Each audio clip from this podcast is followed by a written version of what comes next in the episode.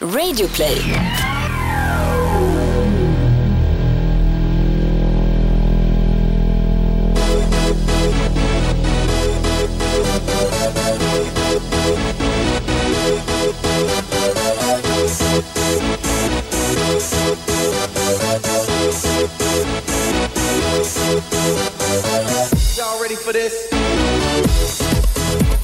Varmt välkomna ska ni vara till eh, Toto Balutto. Här sitter jag och Thomas med Hasse Backe och pratar om italienska råvaror. Hasse sitter och vurmar sig eh, över burrata och eh, diverse finsmakande olivoljor. Och en del viner. Berätta, var kommer den här passionen ifrån? Ja, det är nog ganska långt tillbaka i tiden. Italien har alltid varit favoritlandet. Eh, Det var till och med när det var fotboll, när det fanns bra infrastruktur i Italien, när de byggde de nya arenorna och så vidare och alla toppspelare hamnade i Italien. Men framförallt är det maten. Eh, Jag var ju där 90 faktiskt, så var jag, det är knappt man vågar säga det, men jag var ju lite scout åt Olle Nordin där. Jag brukar svära mig fri och säga att Du har ingenting med det där att göra. det, det enda landet jag scoutade var Skottland. Det var ju torsk 2-1. Det var bara Skottland också. Så att, eh, men jag fick ju uppleva. Jag bodde ju eh, tre veckor nere i Bari bland annat. Eh, och var en hel del i Neapel också. Då, men även eh, hade basen i Genua. Så att eh, nej, men Italien har på det viset blivit en blandning- det favoritland. En blandning mellan carbonara burrata då som jag hämtar som är från Apulien och pesto från Genua. Men just det mästerskapet kommer jag ihåg vi pratade om tidigare. Du kanske borde ha varit scout även för Costa Rica-matchen. Ja den är ju lurig vet du. Det, det är en sån där, den är ju inte helt, helt rumsren va. Men Var det Benny Lennartsson som scoutade Costa Rica? Nej, det var, nu ska vi se så jag säger helt rätt här. Eh, Björne Westerberg hade Brasilien, i, han tidigare Djurgårdstränare och IFK Göteborg. Eh, jag hade Skottland och Kalle Hult. Kalle Hult, den jäveln. Nerifrån Landskrona hade Costa Rica. Men det var lite förtvivlat därför att vi hade ju bestämt en plan B om så fort Medford började värma upp. För så hade det varit i tidigare matcher så, så var det lite snack om att vi borde ändra lite i vår fyrbackslinje och få en snabbare spelare mot Medford. Men det rasslade ganska snabbt. 1-1 och 2-1. Sen ska jag inte gå in på detaljer men det var dramatiskt värre. Jag kommer bara ihåg eh, Offside skrev ett långt, eh, väldigt, väldigt bra reportage om 94-VM för några år sedan. Och då har de en passage om när Benny Lennartsson då kör sin analys av Kamerun som var Ja, första just det. matchen Han 94. Hade, det, var. Och han körde i liksom tre timmar och verkligen tryckte på varje spelare, berättade om varje egenskap med då ledorden att det, det ska inte bli något nytt jävla Costa Rica här. Vi ska inte bomma någon Medford. Väldigt roligt. Ja, men fan, vilken, eh, vilken härlig dag att få sitta och prata italienska råvaror och minnas tillbaka till VM 90. Kanske inte för svensk resultatdel, men ändå Thomas. Ja, nej, verkligen. Tack till Andys Frukt och Tony som förser Hasse Backe med det bästa av det bästa. När vi har en gäst så brukar vi börja med en faktaruta. Så det är bara att svara på frågorna här innan vi kommer igång med själva avsnittet. Fullständigt namn, Hans Roland Backe. ålder, 65. var är hemma för dig? Hemma, hemma är ju Stockholm, även om jag är född långt upp i norr i Luleå. Då får man så lite nostalgi på ålderns höst och börja ta sig upp och hälsa på rötterna lite. Men hemma är ju Stockholm. När kom du till Stockholm? Familjen flyttade ner 59. Så när du var en 7-8. Mm, stämmer bra. Vilka språk behärskar du? Ja, man, engelskan är inga problem. Jag tycker nog att tyskan eh, flyter på bra med lite kort repetition. Eh, danskan som inte är så lätt, den, går- den är flytande. Alltså du har ju Den- en, den du har en helt alltså. egen danska måste man ju säga. Ja, men det, ja, det har jag. Hvordan vurderer du mesterskabskampen? Chanseløst. Jeg tror ikke vi har en mulighet å vinne guld. Det tror jeg ikke. Jag var ju väldigt nära att bli väldigt stark på spanskan. Eh, under Mexikotiden körde jag med privatlärare en, två timmar om dagen. Så att faktiskt efter en tre månader så skötte jag träningarna på spanska. Även om de garvade en del lirarna åt det. Men jag har glömt bort, jag behöver repetera spanskan. Det är ju en sån här detalj som jag tror många undervärderar i fotbollsvärlden. Men du som har varit runt och verkat på olika kontinenter och sådär. Hur viktigt skulle du säga språket är? Superviktigt. Jag menar, där kan man ju säga att Svennis har varit enorm. Liksom. Jag, jag tror att på första presskonferensen typ med Mexiko så, så även om man hade latinspråken med, med portugisiska, italienska så kanske det gör lite lättare. Men han jobbade stenhårt så han skötte faktiskt första presskonferensen på spanska och bara det är ett plus. Du får det direkt. Har du sett spelare falla ifrån och eh, hamna snett just för att man kanske känner sig utanför kulturellt och språkligt? Eh, ja, jag skulle nog kunna säga lite i England under Manchester City-tiden faktiskt. När vi köpte en del spelare, bland annat Sydamerika. Bianchi. Rolando, jag ska inte ta någon namn men vi, vi köpte ju Elano också från, från Shakhtar Donetsk, då, brasilianaren som kanske inte var så intresserade av egentligen att verkligen ta tag i det. Vi försökte verkligen påverka dem, liksom. nu måste ni, ni måste lära er språket. Och när inte det blir så, du blir lite isolerad alltså. Jag, tror att man, man, de tappar det sociala typ, det vanliga, kunna gå ut och käka med lite medspelare och så vidare. Och eh, då levererar det ju inte på planen heller. Nej, jag kan tänka mig det. Att det, det kan vara ett första steg i att man börjar längta bort eller längta hem. Förutom att det regnar 300 dagar om året i Manchester också och du kommer från Sydamerika. Den lilla detaljen. Vilket eller vilka lag håller du på? Enkelt. Juventus har alltid varit mitt favoritlag i Italien ända sedan Gaetano Chirea dominerade totalt i Libro-rollen som det var på den tiden. Chelsea blev jag medlem i 1971 när man lyckades slå Leeds i ett dubbelmöte i FA-cupen. Det var första gången det var ett dubbelmöte. Eh, uppväxt med AIK. Eh, ständig medlem i AIK faktiskt. Eh, håller jag på någonting mer? Det är väl de jag följer. Ser man spanska ligan så blev det lite Valencia. Eh, slutet på 70-talet. Följer inte dem så noga. Men mina lag går bra. Mm. De går väldigt bra. Vad tycker du om AIK så här långt eh, på försäsongen? Det är en del pusselbitar som fortfarande är kvar. Ja, de behöver någon forward. Det är precis det som, som Rickard säger och som det står lite i tidningarna. Så tappar man Isak och Obasi så, så behöver man på något sätt få lite fart längst fram. För protokollets skull ska vi säga att vi spelar in det här 20 februari så det kan ju vara så att AIK har en eller två anfallare på plats här nu.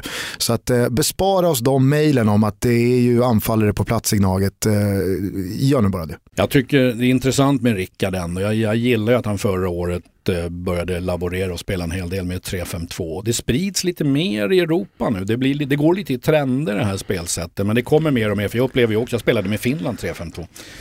Det finns så många olika varianter både försvarsmässigt och offensivt. Då. Och studerar man Juventus lite noggrannare under Conte också så är det småspännande att se faktiskt. Ja, och på tal om Conte, så du sa ju att det går bra för dina lag. Är det någon som flyger verkligen just nu så, så är det ju Antonio Conte i, i Premier League. Ja, otroligt. Jag hade det nära när- med Finland när vi mötte Italien i Verona så fick jag faktiskt en parmesano och stort lite prosciutto av Conte före matchen och tröjan De Siglio. Vad trevligt. Vi lär eh, återkomma till eh, trender och taktiker och formationer vad det lider.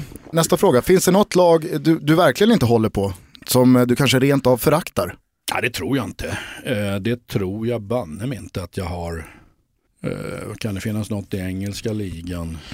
Jag är lite nyfiken på om det fanns en stor rivalitet mellan Mexiko och USA. Ja, det var det ju. Det var, det var ju enormt. Sögs man in i Jag den? kommer, ja, det var ju så, vi var där ett år, va? Så det, eh, vi fick ju höra det hela tiden. Nu, nu har jag glömt bort vad mexikanerna kallade, eh, kallade jänkarna. Alltså. De, valde, de visste ju alltid att när Mexiko skulle möta USA i USA placerades matchen i Columbus. Kallt, eländigt, mexikanerna skulle frysa, snudd minusgrader. Va?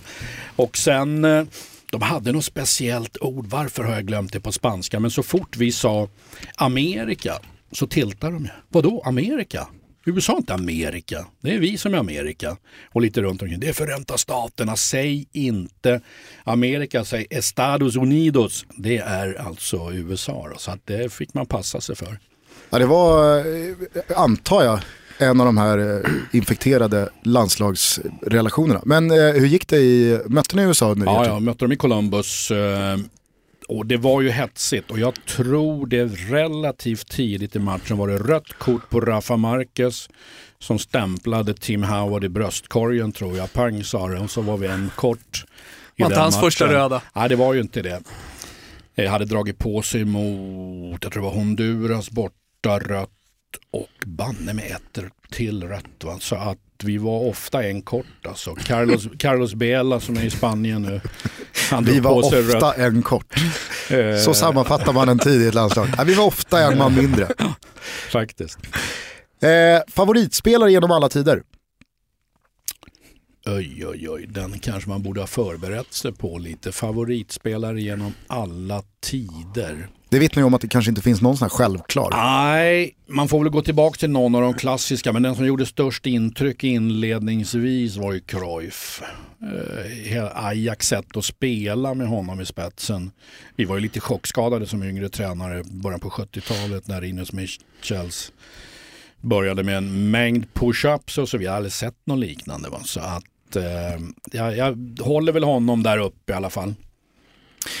Någon spelare som du har haft i ett av dina lag som eh, du håller som bäst? Ja, det är enkelt. Thierry Henry. Inte Putte Ramberg alltså? Ja, Putte med. Har, du ska veta det att Putte, han är så glad. Han ringer mig varje gång jag nämner honom i Hammarbys All Star.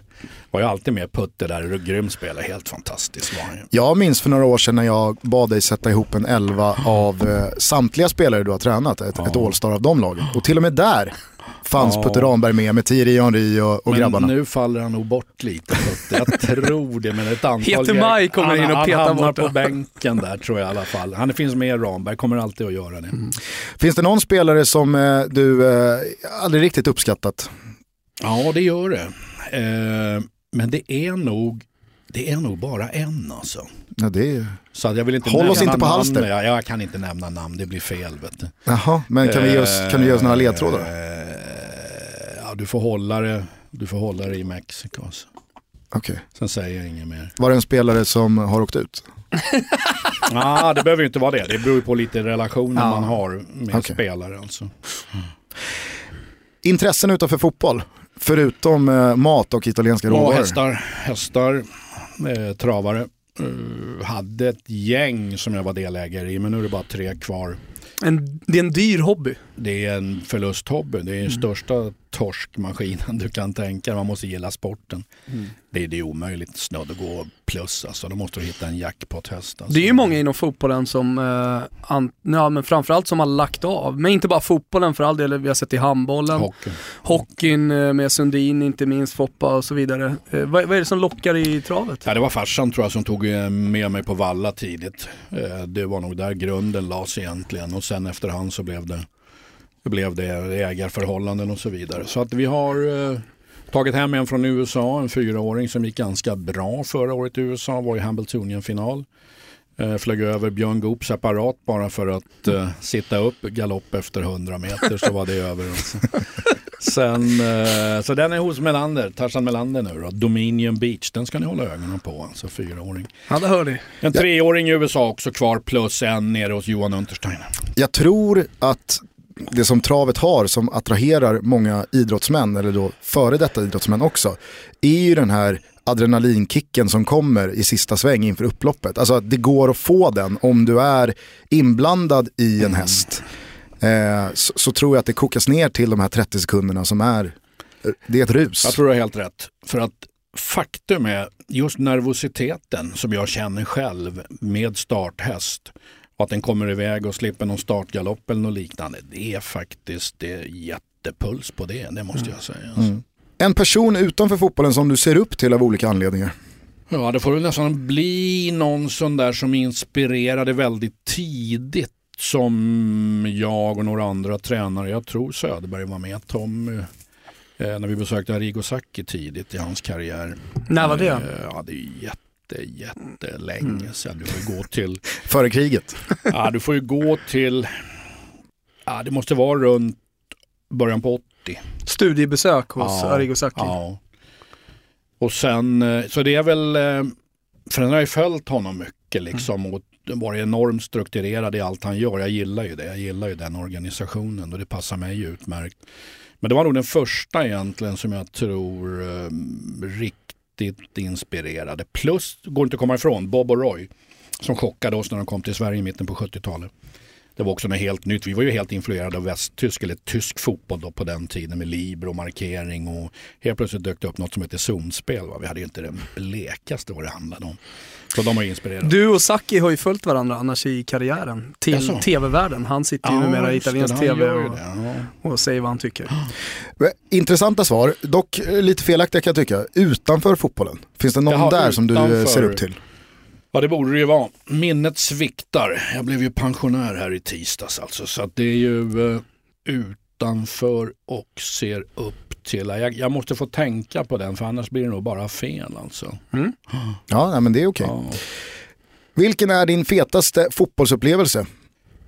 Två gånger vinst mot hatlaget Manchester United. Aldrig torskat mot Ferguson. 100% mot honom. Det är bra. Det är inte många som kan stoltsera med det, facitet. nästan, det är nästan, de två fighterna var något alldeles speciellt att uppleva.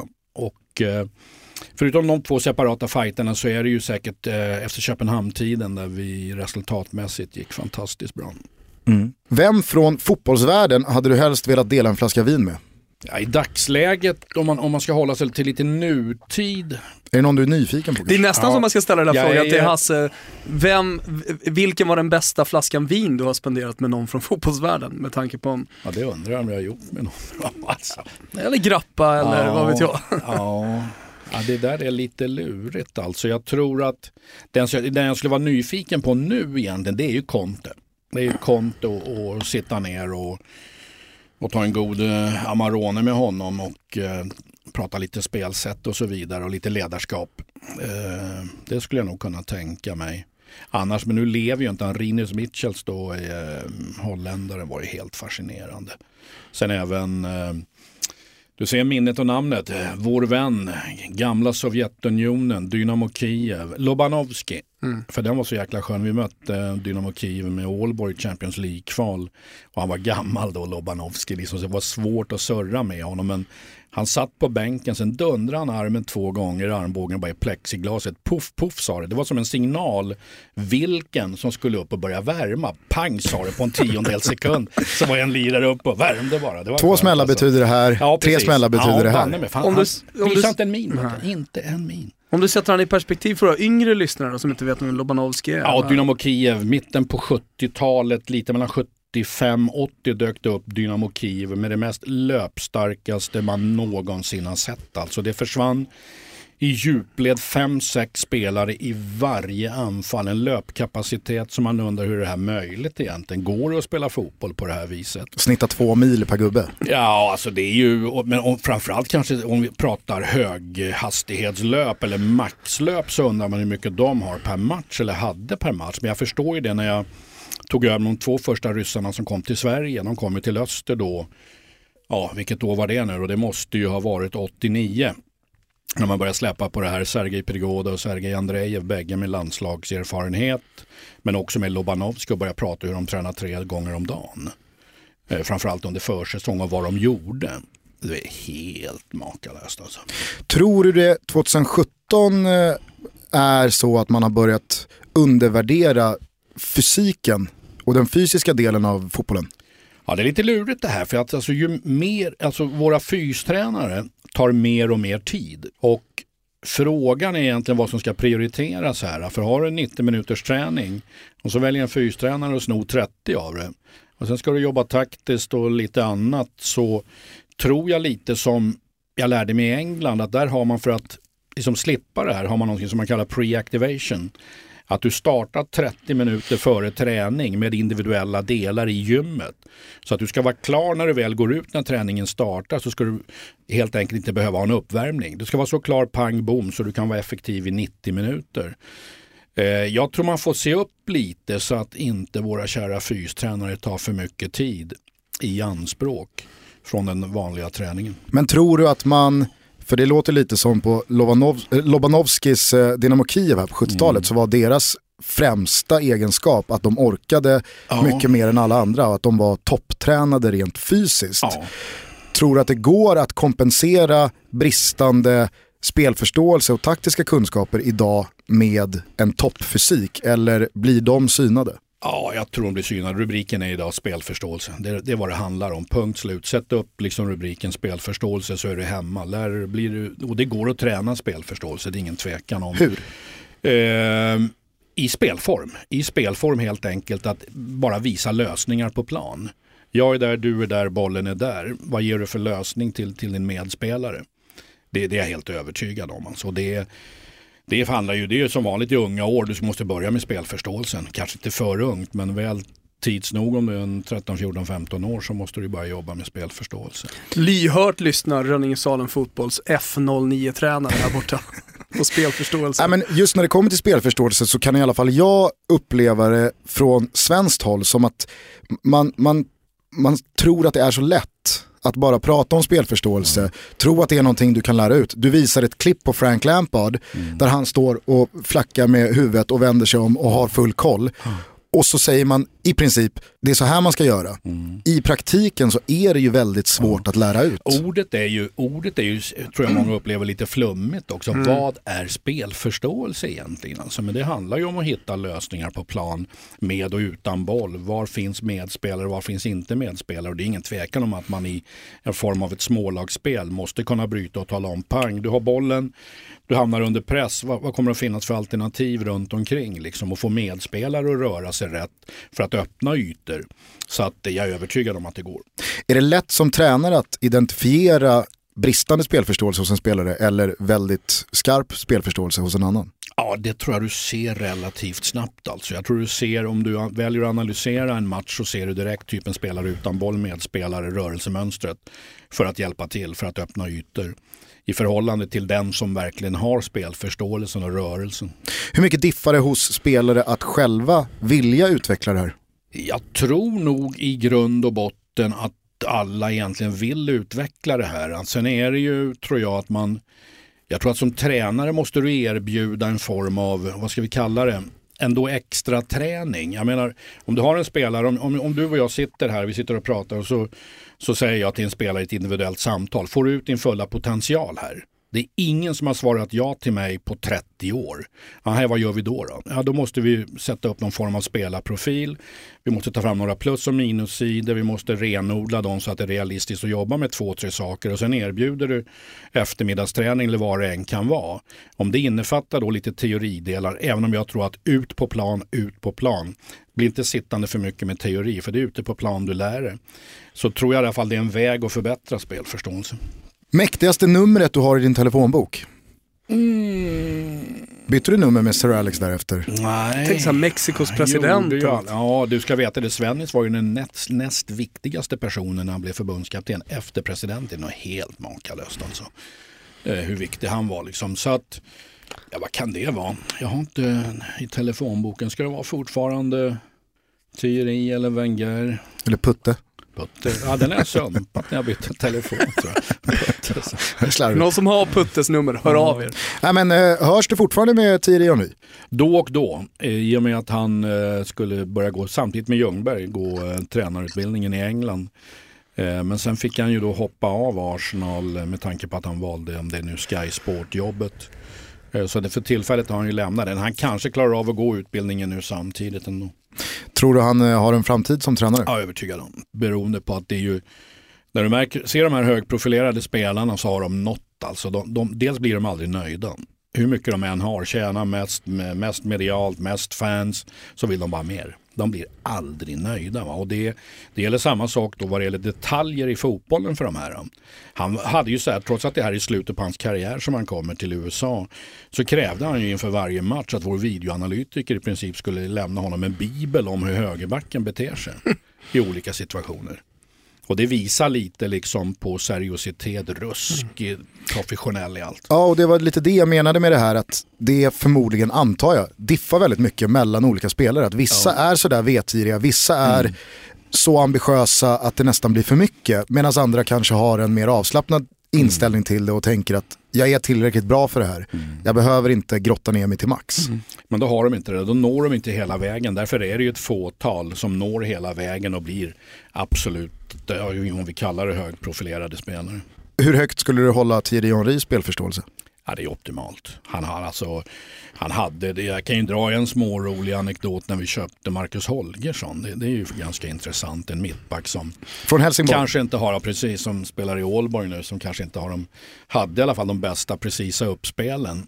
Och eh, Thierry bara krävde att Marcus stannade kvar på träning. Alltså två spelare på plan, full plan. När Marcus ska driva upp bollen från straffområdeslinjen, Thierry ska göra någon form av check-out-löpning och få ögonkontakt. Och det är det det handlar om. Så att du och jag ska ha ögonkontakt Holgersson. Och sen ska du se vad, vad jag visar och då, då vet du var jag ska ha bollen. Alltså om det är djupet eller om det är fötter. Eh, och du vet i början det var ju några missiler som för stod och skakade Svettades. Alltså, I och för sig var det varmt ändå. Så här. Men efterhand så började det här bli alltså en spelförståelse dem emellan. Om han skulle in i djupet eller boll i fötter och så vidare. Man är mötande. Så du ser bara en sån detalj på att en vetgirig, hungrig spelare behåller någon och börjar jobba med det. Det måste ju varit väldigt speciellt att ansvara för ett lag som Red Bulls. Där jag antar att det är det laget du har haft att göra med där det har skilt som mest mellan den bästa och den sämsta spelaren. Ja, enormt avstånd. Mycket med tanke på lönetak, att du har sån här salary cap och det är som att spela Monopol, köpa, sälja, trada spelare för att få ihop lönetaket. Eh, Nu är det ju som så att i USA har man ju tre stycken som går utanför lönetaket som ägare. Desert players. Designated players. Designated players. Desert. Ökenspelarna. Ökenspelare, alltså. Det är något annat. Så att, eh, så att, eh, men det också, eh, var ju lärorikt på många sätt. För helt plötsligt så, jag hade ju som tur var en, en som kunde det här med lönetak. Va? Och han kom in en dag och sa bara så du vi måste skicka iväg tre spelare, det håller inte, vi måste få in pengar. För att kunna göra den och den traden. Och jag satt och tänkte, så måste jag förbereda mig här på det här. Va? De, det, alltså det var ju tre spelare som hade familjer, bodde i New York. Och så tänkte jag, nej, jag har lärt mig genom alla år, inte några långa samtal. Det går inte att börja prata med en lirare om, ah, det här är ju jättesynd men det blev så här, du har gjort det jättebra. Det blir bara liksom cirkus, jag har ju lärt mig. De där samtalen ska inte ta mer än 30 sekunder. Typ ungefär, sorry, vi har inte möjlighet att behålla det. Ekonomin funkar inte med det här. Vi kan hjälpa dig till en ny klubb om du vill. Annars skiljs våra vägar. Och du vet, svaret då på de här spelarna var fair enough. Så jag tänkte, hade det där varit typ i Europa eller någon sån här klubb? Öster Kunde det ha 89. blivit- Kunde det ha blivit världskrig liksom. Så det var bara fair enough. Och så gick de så här bra, då svettades man lite. Så, så, skönt, då vet jag hur jag ska bete mig liksom. Det känns som att det var lite mera inlindat i öster eller den svenska fotbollen. Skojar, skojar. Det, det är ju, det är, det är ju, jag har ju varit i alla, eller i Danmark, Norge då också som klubbtränare och det är ju alltså galskap på all feedback man måste ge. Liksom. Du orkar ju inte som tränare, du kan ju inte sitta tre dagar i veckan med, med samtliga spelare en och en och bara ge någon feedback. Liksom. Ja, vad ska jag göra för att bli bättre? Vad ska jag göra? Sådana här bitar, det går ju liksom inte. Är du tatuerad? Nej, Är du, är du, är det på gång? nej, nej inte en chans. Nej.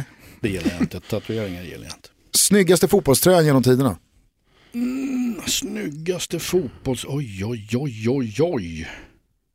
Oj, oj, oj. Snyggaste fotbollströjan genom tiderna. Nej, men det, det får gå på eh, den gamla damen Juve alltså. Ja, de har ju haft några stiliga Ja. tröjor får man säga. Några, Chireas jag gärna Juve-tröja. ha. Den skulle jag gärna ha. en match som du skulle vilja se men som du ännu inte har sett. Åker du mycket på fotboll Ja, det- det och kollar en, det är live? En, eh, inte nu längre, vi gjorde ju tidigare. Det är ju en med tanke på att jag, ja men vet du, här kommer vi in på, här, här börjar det ramla ner lite poletterna som är tränare. Bielsa vill jag ju sitta med. Mm. Men han skriver på för Lill såg jag här. Han, det, det är ju något helt fascinerande. Va? Och den har jag ju fått se lite övningsval av och träningar. Och, faktum är att jag och en videoanalytiker håller på att skriva en bok om Bielsa. Om eh, alla hans typ av träningar, rotationes och grejer som är helt fascinerande. Den måste ni checka när den kommer ut. Va, Vad- vad kan du kort- ja. vad kan du berätta om, eh, om boken? Är, är det i samförstånd med Bielsa eller är det ni som har Nej. studerat Bielsa utifrån? Han har då? studerat utifrån och har en del material helt enkelt. På det. Och, eh, eh, det kommer att handla om inledningsvis om försvars och anfallsspel, kanske i huvudsak om anfallsspelet. Eh, Är det en fackbok eller är det en bok Ja, det som alla kan ta del av? alla övningsval, instruktionspunkter, eh, allt från en anfallsuppbyggnad till sista tredjedelen. Han är ju fascinerande liksom. Om du ser sista tredjedelen med tre forwards då, med, med Chile och Vidal som, som tian. Så på en liten, liten yta, sista tredjedelen i anfallsspel, har han nu ska jag säga rätt, 16 olika alternativ på att ta sig igenom en backlinje. Och då kan man tänka, hur är det här möjligt? Då? Så Men han kanske hoppas på att lirarna lär sig två av de här 16. Liksom. Men, så det kommer bli en sån bok. Spännande. Ja. Vi snackade med Marcus Birro här för någon vecka sedan. Han håller på och skriver, hjälper Masse Magnusson att skriva själv, självbiografi. Mm. Som de jobbar med eh, arbetsnamnet Kejsaren i katedralen då från Benfica-tiden. Har ni också något arbetsnamn på, på boken? Nej, vi kommer ju också inledningsvis att, ja, rotationes kanske. Kanske det. Rotation, ja, det kan vara något sånt. Vi har inte bestämt ännu och vilken, vem som ska ge ut det. Men det lutar väl åt att det blir Amazon i alla fall som känns som den delen. Men eh, eh, ja, det får bli något sånt liknande namn. Men det handlar liksom så att alla kan ta del av det. Det är, det är för tränare helt enkelt om man gillar att jobba med sådana här bitar. Och, eh, Det är många som lyssnar på den här podden som säkerligen kommer enormt, uppskatta enormt strukturerade. Vet. Det finns ju ingen motsvarighet men det är väl därför Guardiola och eh, vad heter han, Sampiaulo, San Pauli. San Pauli eh, hela tiden nämner Bielsa som världens bästa tränare. Va? Även Pochettino är ju samma sak, det är ju Bielsa in, nere i strumporna. Alltså. Men vad är det som får Bielsa att kanske inte lyckas, tror du, som kanske inte lyckas fullt ut då i ett storlag eh, och, och vinna titlar? Mm, nu, du pratade match, jag svarar aldrig på din fråga. Den har jag märkligt nog inte få, fått med mig, men vi ska referera till den. Manchester United Athletic Bilbao i Champions League för inte så 10 Jag tror att det var 2000, nej nej, jag tror att det var alltså 2011 eller något. Nej, nej, tidigare måste det vara. När Bielsa hade Bilbao och... Och kör över ja, ja men det var med, det var med Munja in och, ja, det var fem, Ja, fem, fem år sedan. Är det inte mer? Nej. Det är ju en sån där fight som jag bara, så nu måste jag bara titta om på den. Jag halvsov när jag såg den. Men om du ser där också löpkapacitet, kravverksamhet på att skapa numerära överlägen i anfallsspel i ytterzoner. så, Det är helt otroligt hur de löper. Jag tror att på din fråga med varför han inte får det riktigt att funka. Jag förstår Marseille lite när man eh, hör honom på presskonferensen prata om att eh, han hade blivit lovad det och det vad det gäller inköp av spelare. Det var väl lite som med Lazio också egentligen. Det kan ni bättre än mig. Men han, eh, ja, jag känner ju inte honom men han, han är ju speciell på det viset att kliva av lag. Va? Det, Ja, Lazio var ju nästan klart för alla som inte kände till det i somras och sen så sket det sig precis i slutet där. När kan man eh, vänta att den här boken kommer ut? Något ja, år? Vi, vi har hållit på alldeles för länge med den. Så nej, det, nej, i år. Det måste, måste komma ut. Till julhandeln. Ja, vi får se. Alltså, det blir blir inte någon sån där tjock bok tänkte vi, utan vi tänkte mer som ett, en form av ett häfte egentligen, men där det finns med en massa tydliga övningar för anfallsspel, kanske lite på försvarsspelet och instruktionspunkter, men vi kommer ju givetvis att, att nämna, vi är inspirerade av Bielsa, va? Det, det är ingen tvekan om. Sista frågan är, om du inte får svara Ronaldo eller Messi, vem skulle du säga är världens bästa fotbollsspelare just nu? Mm, mm, mm. Jag borde ha gett mig någon av de här frågorna så man får tänka till lite. Jag vet att du ofta har lite. nära till Thomas Müller. Ja, jag du ser. Men han har ju börjat vackla lite Müller nu eh, tycker jag i år. Han kanske är trött på Bayern då. då. Ehm, men det är en ruskigt underskattad spelare va, som eh, borde ha fått mycket. Vi har haft mycket några gäster här som har svarat alltså. på den här frågan och det har varit lite Det är en svår olika fråga. svar. Ja, Iniesta har nämnts. eh, Suarez, Neymar, Ja. Higuain, Bale. Men du får inte glömma Zlatan heller alltså. Eh, med tanke på hur han, alltså det sprutar in mål nu igen. Alltså i världens tuffaste liga. Va? Jag, som jag sa, fick ju vara där i ett år med Manchester och det, det, det finns ingen tuffare liga. Oavsett vem du möter. Ska du ner och spela mot Bristol City i FA-cupen så vet du att du måste spela upp till ditt bästa. Annars torskar du. Det är liksom, varje match är så mycket, mycket tuffare än i någon annan liga. Så att eh, han måste finnas med där i, i, i det med tanke på det antalet mål han gör. Alltså det, jag trodde han skulle få jobbigare i, i Premier League. Det, det var jag helt säker på.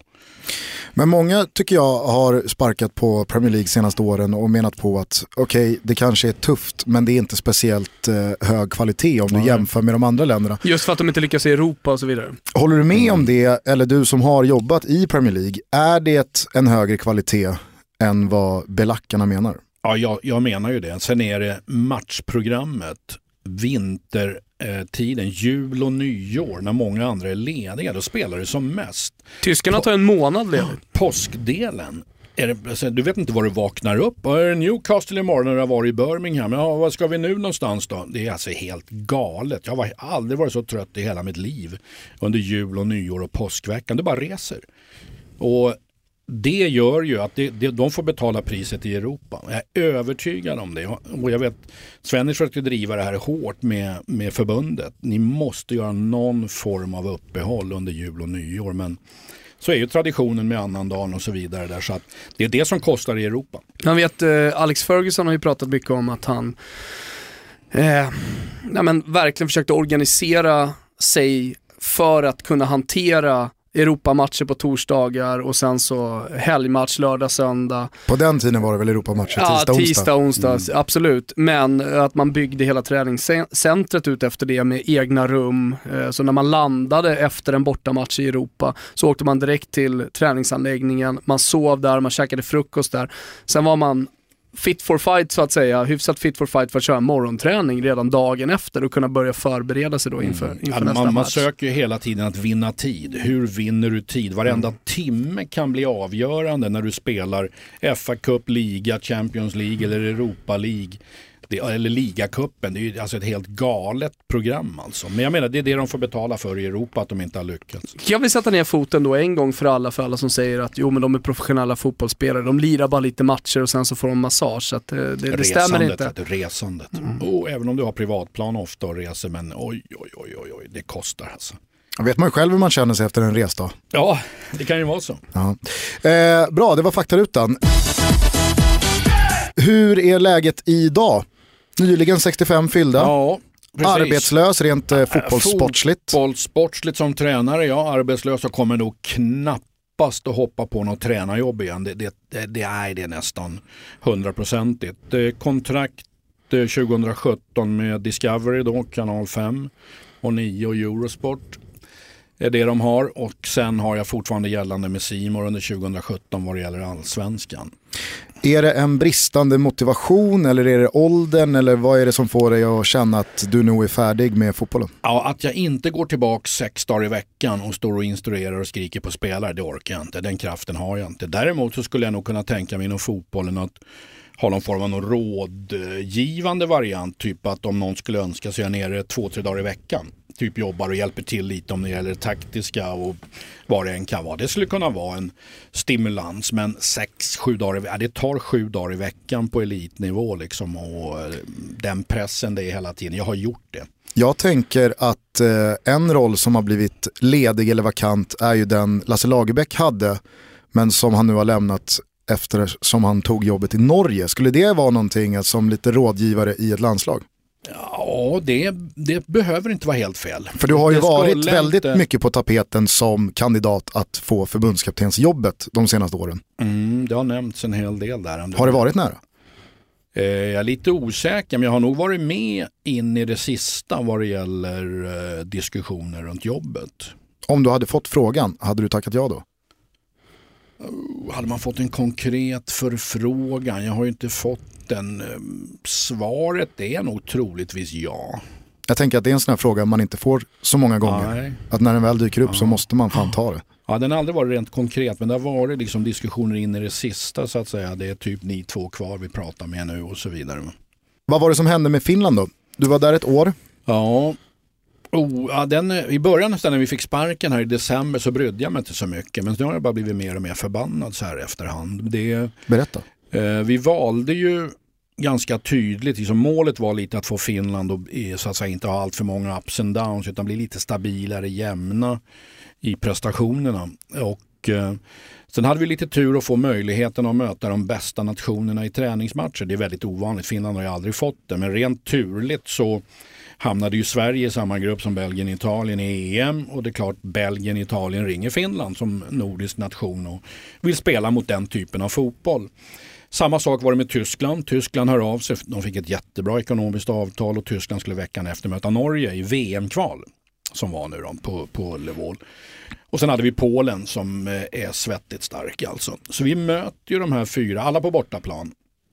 Och det är klart, lägger man då alla dessa matcher på hög, vilket man säkert har gjort, så, så blir det ju dåliga resultat. Vi har bara spelat fyra tävlingsmatcher. Eh, Kosovo 1-1, det tycker jag är den enda svaga insatsen vi har gjort egentligen. Jag menar, Bortdömda mot Island. Ja, fullständigt bortdömda mot Island. Eh, där vi leder 2-1, fyra minuter kvar. Va? Eh, Kroatien hemma, är vi med i matchen i 90 minuter, förlorar 1-0 istället för att gå ut och spela naivt. Jag fick mycket kritik för att vi var för defensiva i den matchen. Men sen ser vi hur de andra länderna betedde sig mot Kroatien. Kosovo möter dem och går ut naivt och tror att man ska föra fighten. Ligger under med 3-0 efter 30 minuter och sen är det över. Mm. Vi är med i 90 minuter och sista 10 har vi faktiskt två chanser att få ett kryss med oss. Ukraina borta i Odessa 0-1. Eh, de är något bättre i första, sen dominerar vi totalt i andra. Och tyvärr bara för ineffektiva. Då. Det kan du ju aldrig veta om en forward ska skjuta 20 meter över eller i mål. Då. Till och med Shevchenko var fan med skad, skakad efteråt på presskonferensen vilka problem de hade haft. Och så får vi då sparken. Och det som irriterar är väl att man såg det så kortsiktigt. Men kan du ångra då så här i efterhand att ni valde att möta så starka länder? Nej, för, för mig, med all respekt om vi kallar det för något sämre länder, så är det waste of time för mig. Det ger ingenting. Vi får inga svar alls. Om vi skulle ha mött Gibraltar, Andorra, Luxemburg, jag menar, och spelarna totalt omotiverade, för det är ändå spelare som är ute i Europa, säg 19 av 23 i den här truppen, så de var ju lyriska att få det här motståndet. Vi får ju alla svar om vårt försvarsspel när vi sen ska ut mot Kroatien och Ukraina, för de länderna vi mötte där var alla i EM-slutspel, inklusive Island. Då. då. Jag är lite nyfiken på det där du sa om att Tyskland fick en ekonomisk, eh, vad, vad, alltså hur går det till? Ja, de hör ju av sig. De hör ju av sig till förbundet då, då helt enkelt. Tyskland hör av sig till finska förbundet och säger pang, vi betalar den här summan om ni vill spela mot oss i Mönchengladbach. De ordnade ju med gratis hotell, resa, rubbet plus en ekonomisk ersättning för fighten. Och det är en ekonomisk ersättning som är betydande. Ja, ja, definitivt. Det är ingen symbolisk nej, nej, summa nej, det är utan betydande för förbundet. det få går in. till så alltså. Har, hur länge har du gjort det? Ja, det tror jag gjort länge. Det är jag helt övertygad om. Men, Jag kan inte säga hur länge, men att det, att det har pågått en längre tid så är det. Åh fan. Nya uppgifter för mig att det, att det ändå är pengar som är anmärkningsvärda. Mm, Att man köper sig motstånd liksom. Ja absolut. Nu, nu är det väl så här att stornationerna som typ Tyskland och, och några till Spanien och Frankrike och allt vad det kan vara. De har ju ekonomin för att kunna, även England. England hörde av sig till oss också som ett genrep före EM. Men då tänkte jag nu blir det lite för mycket alltså att plocka två fighter, Polen och England. Men hur gick det till när, när eh, fin, finnarna ringde från det där trötta förbundet som jag kallat dem tidigare? Vad, vad, hur, hur gick det till då? Nej det är ju bara det att det beskedet var ju egentligen bara att förbundsstyrelsen har tagit ett beslut att vi ska gå skilda vägar. Sen är inte jag den som håller på och dribblar då liksom oj oj oj och Fair börjar, enough. och börjar gråta eller något sånt där. Va? Men jag, jag tror jag ställde frågan bara, handlar, handlar det enbart om resultaten? Ja. Vill du då inte alltså, säga det du säger nu? Nej, nej, det finns ingen anledning. Det ger inte mig någonting. Jag hade också jättebra reaktioner. Jag tror det tog tio minuter efter de hade släppt det på må- måndagen här och jag fick eh, samtalet på lördagen före. Då. Så jag vet inte hur många spelare som hörde av sig och de var inte helt nöjda över det här beslutet. Så för mig är det, hade det varit en spelarrevolt, spelarmyteri, då har vi problem. Det är inte muntert alltså. Nej. Men om det är förbundsstyrelse som utan, enligt kaptenen vi har, inte ens har pratat med honom. Då, då bekymrar jag mig. Men, men samtidigt, det är ju svårt att förstå om de, om de, de vänder sig till resultaten. Du tränar ändå det finska landslaget, ni har mött Ukraina, ni har mött Kroatien. Du nämner att ni kanske gjorde en lite svag prestation då mot Kosovo. Eh, Island kan ju även det finska förbundet se vad som händer där på övertid med, med de eh, domsluten som tas. För, det, det är svårt, eh, tycker jag, att vända sig till liksom att ni fick 1-1 mot Belgien i en träningsmatch inför EM, ett, av- ett av de mest håsade, håsade lagen. De var världsetta på den tiden, Ja. före Argentina. Vad hade de förväntat sig för resultat? Att ni skulle ligga i topp Ja. i gruppen? Men jag tror också det här, jag tror ju att att en styrelse lätt kan bli eh, darrig när media börjar köra också. Liksom, blir du darrig när media börjar köra och du inte kan stå emot. Därför är ju grunden till allt, oavsett om det är klubbfotboll, landslagsfotboll, stark styrelse. Jag har sagt det jämt att grunden för mig det är att ha en stark styrelse och säg, kalla det lite sämre spelare och få tid att bygga något än att ha en svag styrelse och högprofilerade världsstjärnor. För de kör över den där styrelsen på några sekunder. Det, det, så är det bara. Är, du, är det för att du är luttrad eller är det för att eh, alltså, man inte vill? För att jag kan tycka att det är konstigt att när du då får beskedet att nu får ni sparken, du frågar handlar det om resultat, de säger ja. Att du då inte väljer att bara ge din bild av det, säga det du säger till oss. För det skulle ju kännas väldigt mänskligt att man får någon slags upprättelse. Ja, det låter lite på alltså, som att du, ju... du säger då, vet ni, okej, okay, hej då. Nej men det är ju, det är ju ja, förbundsordföranden har ju pratat med. Det är inte så att jag har suttit och pratat med förbundsstyrelsen men förbundsordföranden och jag har ju varit ganska klara på liksom prestationerna som sådan då. Sen tror jag inte en förbundsordförande ensam kan övertyga en förbundsstyrelse. Men för jag känner med Finland känner jag, alltså nu vet jag inte hur ni har pratat men, men när du tog över kändes det som att det var EM som var målet någonstans. Lite som när Lagerbäck ja. kommer och sätter sig på första presskonferensen och säger ja men VM-kvalet i all ära men, men EM som ja. gäller. Även om, även om alla drömmer lite just vad det gäller ett VM-kval mm. också så är det ju EM och bygga någonting det handlar om. Och ska man, om man nu har förstått det här rätt med eh, Nations Cup heter det väl, va? Uefa det som kommer, så har jag nog gjort en god gärning och mött de bästa. För det betyder att Finland är nere i ranking på runt 100-105 däromkring. Och det betyder inför det här EM nu så kommer de mer eller mindre nästan ha en gratisplats till slutspelet. För det kommer att möta nationer runt samma rankingnummer.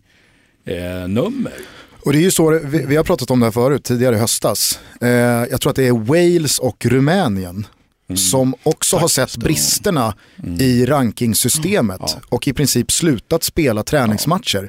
För att det finns vissa vinster mm. som gör att du halkar neråt på rankingen och således får mm. tuffare lotter emot dig när det väl gäller i kvalgrupper. Ja.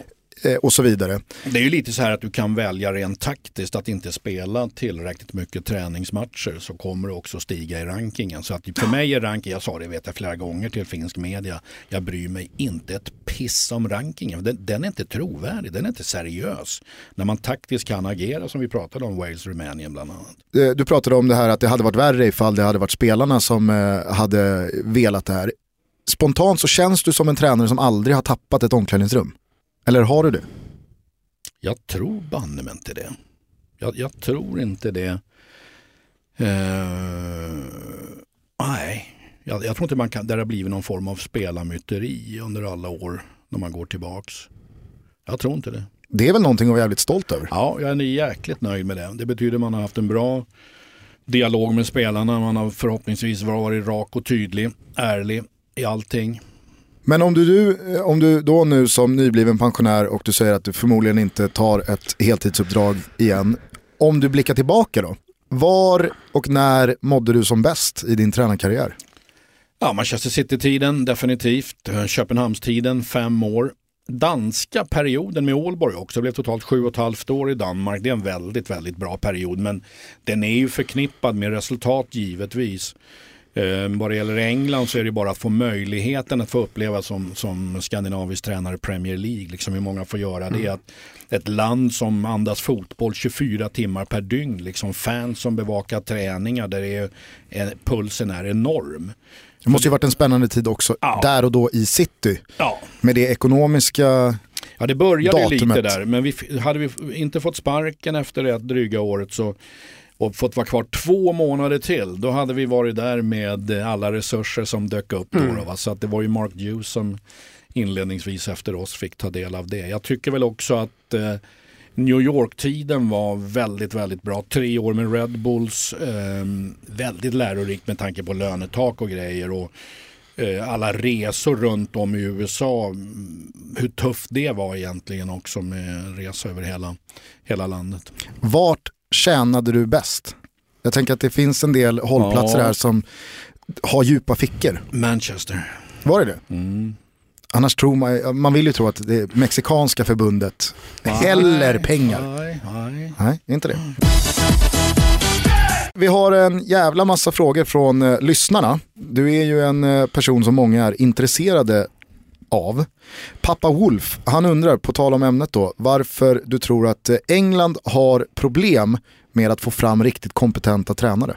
Ja, det är, det är en bra fråga alltså. För att är det, är det någonting man kan säga de är vassa i så är det ju i sin, sin utbildning, förbundets utbildningsstege. De är ju oerhört skickliga. Alltså går du och lyssnar på en engelsk tränare idag eh, under en träning vad det gäller instruktionsdelen liksom och rätt balans i instruktion till spelare så blir du ju ofta helt fascinerad. Alltså det, det är en upplevelse och så varför, varför får man inte fram, alltså jag har ju ingen riktigt bra svar på det för att utbildningen är topp, topp, topp. Det är ingen tvekan om det. Det, det är krav i utbildningen. Det är ingenting du bara åker dit och sitter av en kurs alltså och kör några praktikpass. Va? Utan, men varför slår de inte igenom riktigt då? Ja, för, förbli en gåta tills vidare. Alltså det är ju det är jättesvårt för det borde komma fram kvalificerade tränare. Det finns ju några nu i Championship, många som pratar om Gary Monk till exempel i Leeds Ja, som det var är unga i- på väg. Eddie Howe. Ja precis, jag tänker Bournemouth. lite på honom också faktiskt. Mm. Och förhoppningsvis så får någon av dem en av storklubbarna och får visa upp sig i någon av storklubbarna. Men det, det är alltså, frågan är ju berättigad. Det borde spruta fram betydligt mer och ser du rent, rent historiskt så är det väl bara Robson och Venables. Ja, bägge två var väl i Barcelona plus att eh, Robson var väl i Holland och gjorde dundersuccé med PSV. Va? Men efter det, alltså det är...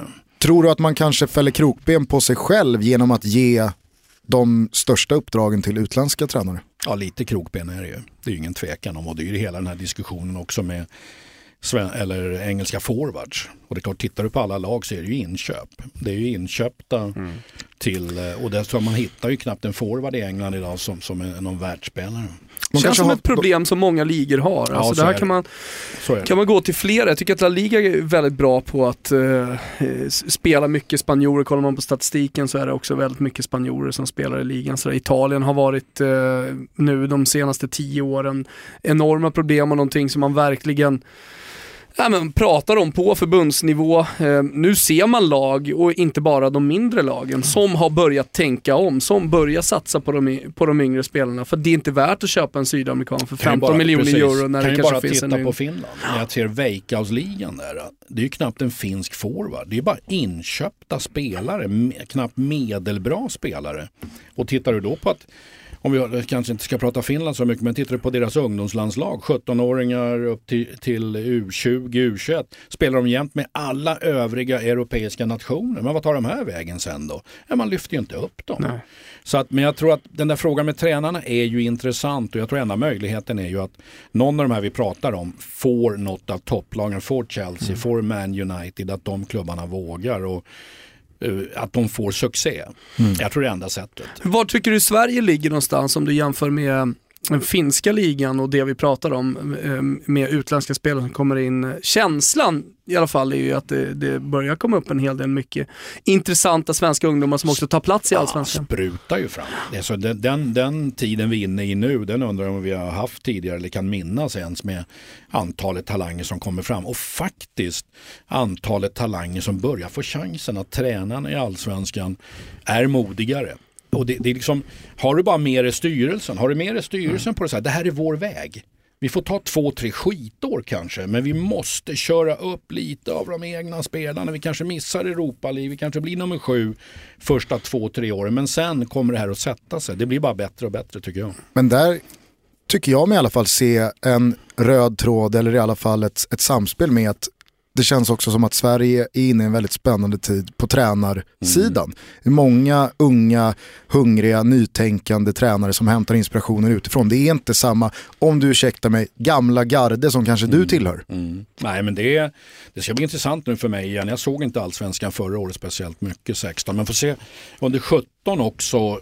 Eh, sen kan man ju säga så här, va? det finns ju egentligen ingenting direkt revolutionerande inom fotbollen. Va? De som tror det är, är snett ute. Va? Det, det, det, det, det finns ingen revolutionerande. Men däremot så tror jag mer om de yngre tränarna har bra uppbackning från styrelser och får tid att bygga någonting, då kommer de att våga mycket mer. Men är du ung tränare och vet att jag måste få resultat. Får jag inte resultat så kommer jag få sparken och du kan få sparken kanske från två klubbar, sen är karriären över. Det är klart att du blir försiktig och inte vågar kanske gambla och, och göra nya saker. Och det är väl därför det är så bra också att det, det ger ringa på vattnet till andra lag och andra tränare när spelare som Isak, Svanberg, mm. eh, Haksabanovic, eh, alltså när, när de kommer in och levererar. Det enda, man, det enda man eh, kan, jag är ingen expert på det här, men det är liksom att jag tycker ändå det jag läser att för många unga lämnar för tidigt. Det jag tror svensk fotboll har lite att fundera över det är att försöka förlänga karriären i Sverige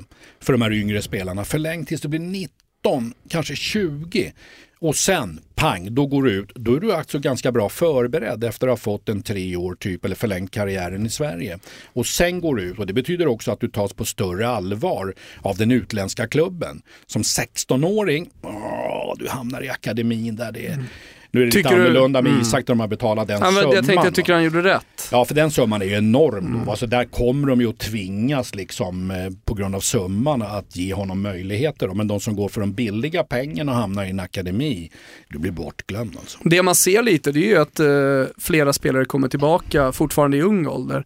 Vi har sett Kristoffer Olsson nu som har varit ungdomsproffs, eh, som har testat vingarna i lite olika klubbar. Si, eh, Simon Tern som också kommer mm. till AIK. Vi har Gilo Johan Ahmad som ja. inte riktigt lyckades men, men fortfarande om han lyckas i Allsvenskan har en ja. Europasejour till i sig. Jag tycker det är bra att de kommer tillbaks och börjar om. För jag tror tidigare har det varit lite alltså, prestigeförlust att gå ut och sen försöker du förlänga karriären utomlands genom att bli utlånad över halva Europa. Eh, istället för att kom tillbaks, börja om, mm. ge dig själv en ny chans här. Känn inte att det är någon, någon eh, nedvärdering liksom att göra det, att du skulle ha misslyckats utomlands. Wishelele, han skriver så här. Du tar över ett stabilt allsvenskt lag och får formera din stab hur du vill. Mm. Vilka tar du in? Ja, det, det, här är det viktigaste som finns i dagens fotboll. Det är liksom att få sätta din egen stab. Alla klubbar har inte råd med det men ser du typ i allsvenskan så kan du nog få med dig en assisterande. Det skulle jag kräva idag, annars tar jag inget jobb. Och troligtvis skulle jag ta med mig en heltidsanställd videoanalytiker. Det är nog Sen kommer klubben säkert att få tillsätta en av de två assisterande. Men det är det som är realistiskt i Sverige. Ta med sig en assisterande, en videoanalytiker. Har du någon eh, som är din assisterande? Nej, inte som har följt mig. Men en som alltid, alltid har gjort ett otroligt bra jobb. Det är en som heter Lars Söndergård som nu, han fick faktiskt sparken från Ålborg här. Han var med mig runt i Salzburg och så vidare. En dansk Eh, han skulle jag nog försöka få med mig, även om han är ju mer idag huvudtränare. Han har ju varit i så många, många, många år. Va? Så det är väl tveksamt om han skulle haka på. Och sen skulle jag ta med mig den videoanalytiken som vi hade i Finland, John Wall, som tränar Nyköpingsbissarna nu. Mm -hmm. Spännande. Om Östers IF undrar, hur lät Paul Lundin när han fattade att det var Tommy Svensson som ringt upp? Ja, vad fan, ring inte. Du ljuger din jävel.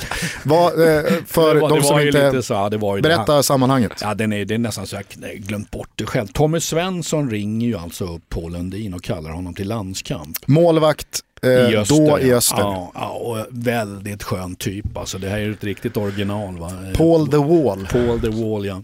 Som borde haft, jag har sagt åt honom flera gånger, borde haft en bättre karriär med tanke på hur bra han var. det är alltid jobbigt för Alltid segt att höra. Så här. Ty, ty, tyvärr, för han är enorm. Han tog över efter Ravelli då, i, i öster. Så Svensson ringer honom och kallar in honom till landskamp. Han tror ju att det är någon som bara ringer och driver med honom med de verbala grejerna. Han, på det sättet han surrar så kanske inte Svensson var helt nöjd då. Men sen ringer väl Tommy mig och säger att du måste ringa upp Paul. Liksom. Det går liksom inte att få kontakt med honom.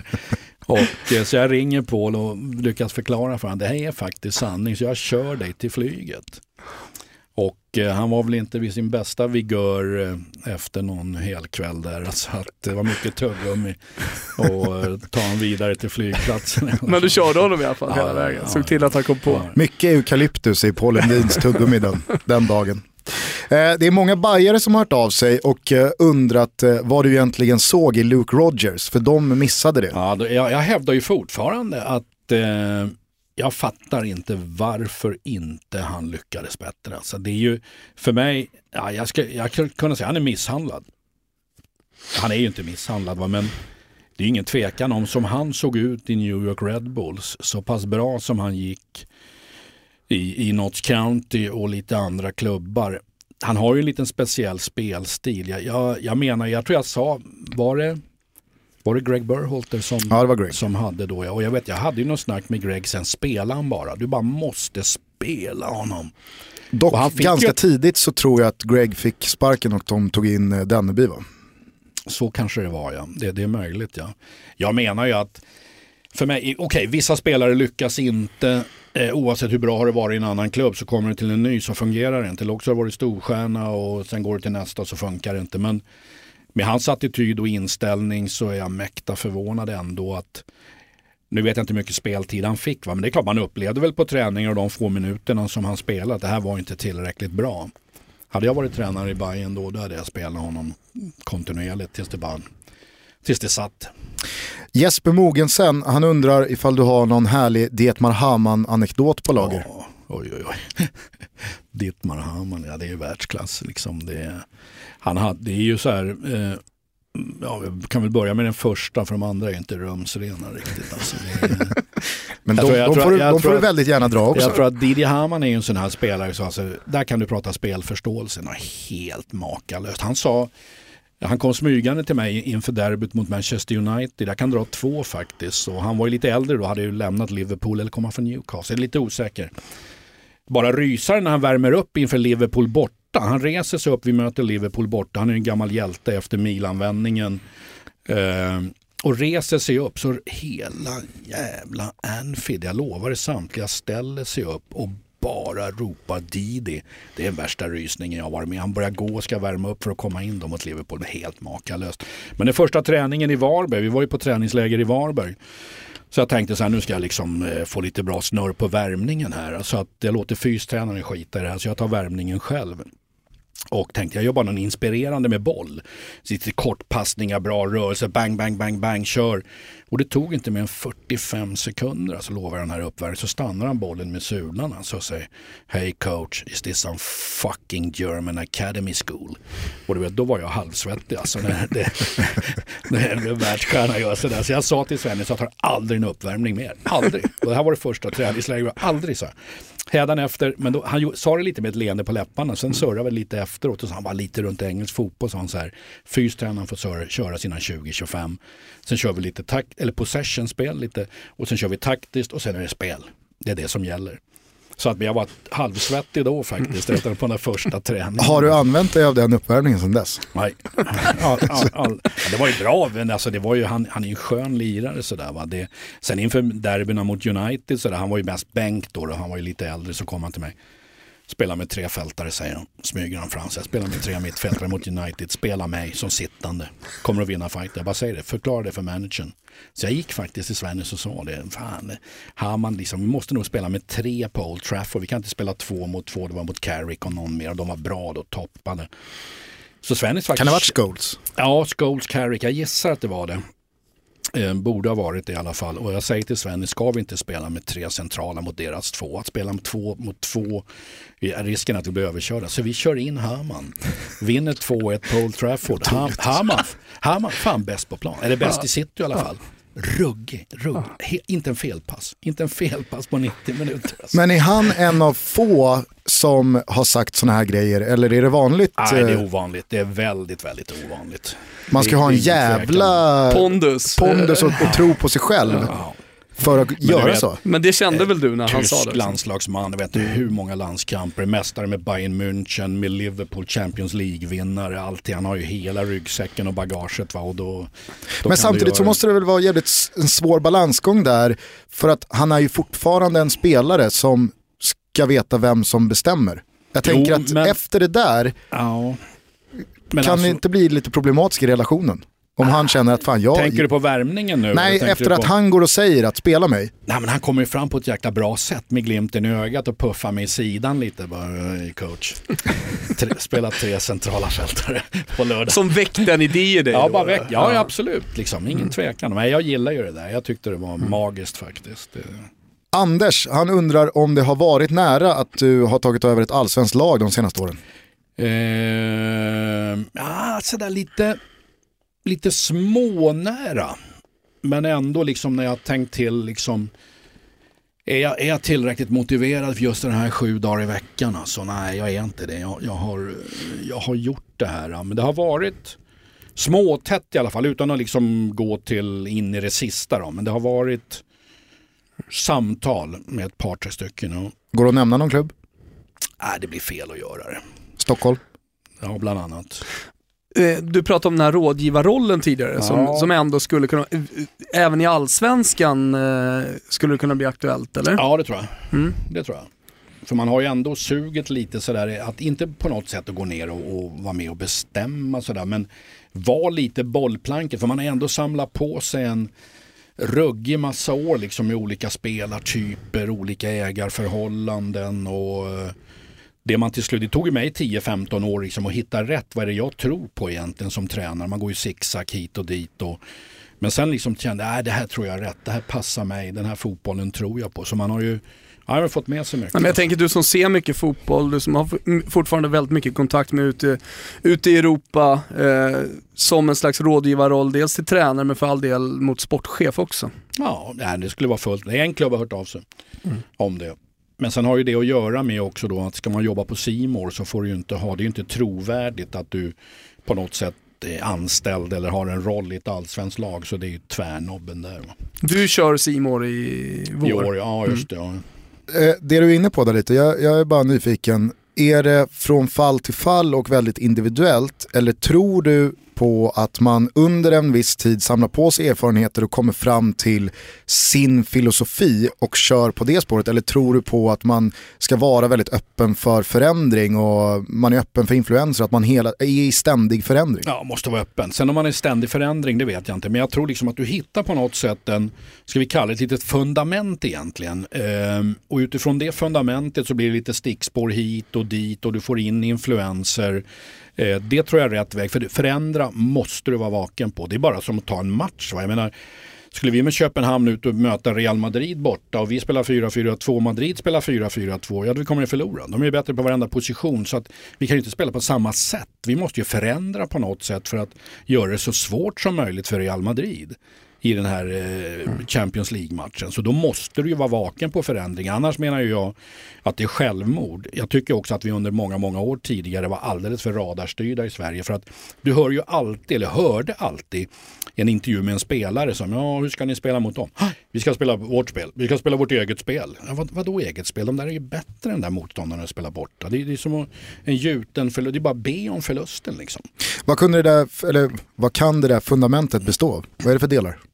Ja, det har ju grunder i försvarsspel. Om det är, om det är vissa utgångspositioner, ett visst pressspel, eh, hur du ska försvara mot tidiga inlägg, det kan vara mot sena inlägg, hur du vill dubbla upp eh, mittback, ytterback eller inte. Sådana saker är ett fundament som, som man kan sätta. Är det grunder och är det fundament som inte påverkar speciellt mycket av formationer?